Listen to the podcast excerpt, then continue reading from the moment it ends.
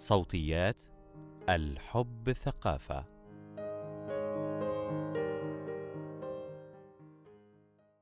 صداقة وأشياء أخرى.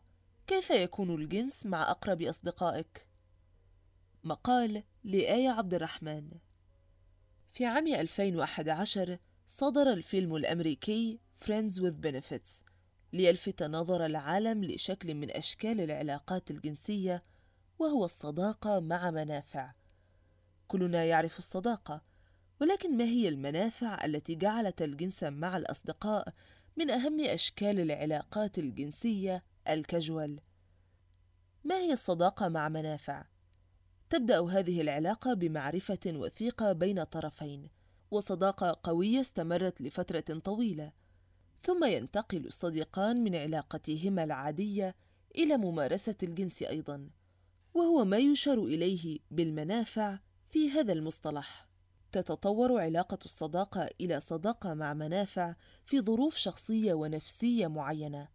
منها عدم وجود شريك عاطفي مناسب رفض ممارسة الجنس مع غرباء الرغبة في ممارسة الحميمية مع شخص مألوف للحصول على الإشباع الجسدي والنفسي.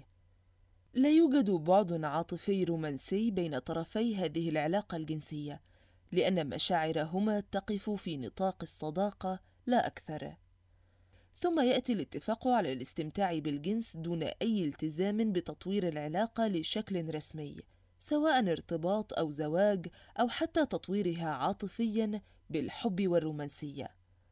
بالنظر لطبيعة العلاقة القائمة على تبادل المنفعة جنسيا توفر علاقة الصداقة مع منافع جولة جنسية جامحة لا يتردد فيها الطرفان في طلب ما يمتعهما وتحقيق كل أحلامهما في الفراش وترتكز المتعة على الجانب الجسدي فقط نظرا لغياب الجانب الرومانسي. غالبا ما يتفق الصديقان قبل انتقال علاقتهما إلى مرحلة الجنس على أن الأمر ليس حصريا بينهما فمن حق أيهما أن يمارس الجنس مع آخرين إذا رغب في هذا.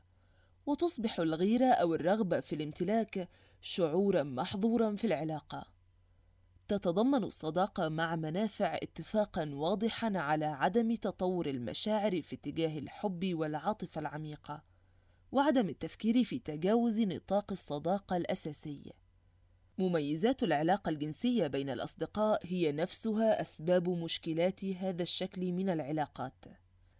لا تناسب الجميع. لن نبالغ لو قلنا إن الصداقة مع منافع هي أخطر أشكال العلاقات الجنسية، لأنها تتطلب التزاما دقيقا بعدم تطور المشاعر والاندفاع في طريق العاطفة. وفي حالة حدوث هذا تنهار العلاقة من الأساس.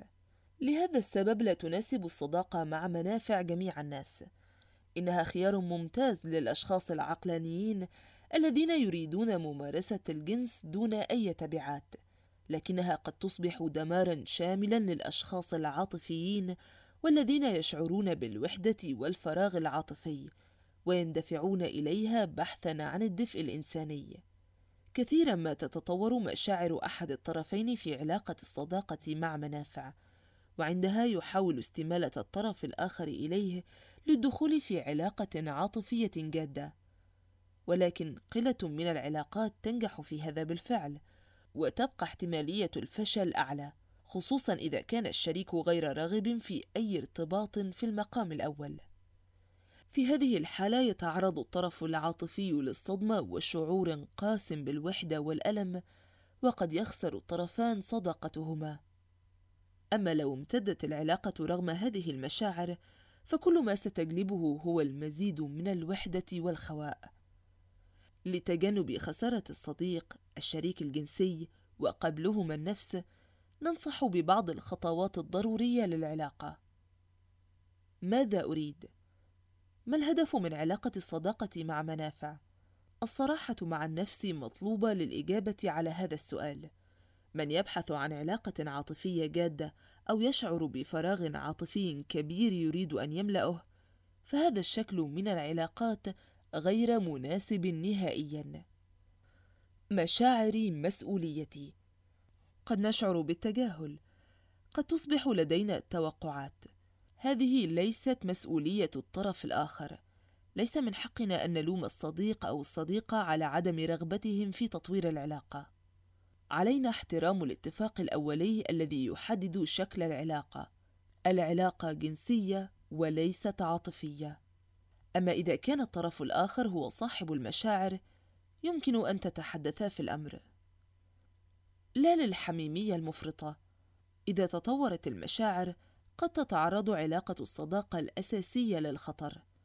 لهذا يفضل تجنب بعض التصرفات الحميمية التي من شأنها تعزيز المشاعر مثل العناق بعد الجنس وقضاء الليل معا وقضاء العطلات معا وإبداء الغيرة. خفة عيش. علاقة الصداقة مع منافع علاقة بلا مسؤوليات اجتماعية. يفضل عدم تقديم الصديق للمعارف والأصدقاء وكأنه شريك عاطفي. ليس على الصديق أي واجبات اجتماعية إلا في حدود الصداقة الطبيعية. ترسيم الحدود. من الضروري رسم حدود واضحة للعلاقة مع الطرف الآخر. ماذا تريد من العلاقة؟ في أي ظروف يمكن أن تنتهي؟ كيف ستتعاملان بعد هذا؟ الصداقة مع منافع والاستغلال الجنسي بعض الأشخاص يتخذون مصطلح الصداقة مع منافع كبوابة للاستغلال الجنسي للآخرين وخصوصا النساء ويدافعون عن موقفهم باعتبارهم يعرضون أو يطلبون شكلا من العلاقات معروف في العالم أجمع الحقيقة أن هناك فارقا كبيرا بين الصداقة مع منافع والاستغلال الجنسي. وعليك الحذر حين تتعاملين مع من يخلط بينهما. الصداقة مع منافع هي علاقة صداقة أساسية اتخذت منعطفا جنسيا. ويمكن أن تتوقفي عن ممارسة الجنس مع صديقك وتحتفظان بصداقتكما. أما الاستغلال الجنسي المتنكر في علاقة صداقة مع منافع فهو يهدف للجنس أولاً. وإذا توقف الجنس فلن تكون هناك علاقة من الأساس. هنا نجد أن الطرف الآخر يسعى لممارسة الجنس دون مسؤوليات بشكل أقرب إلى علاقات الليلة الواحدة.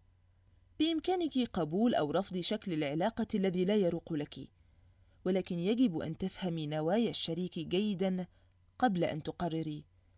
كي لا تجدي نفسك ضحية استغلال أو ابتزاز جنسي يؤثر على حياتك ومستقبلك.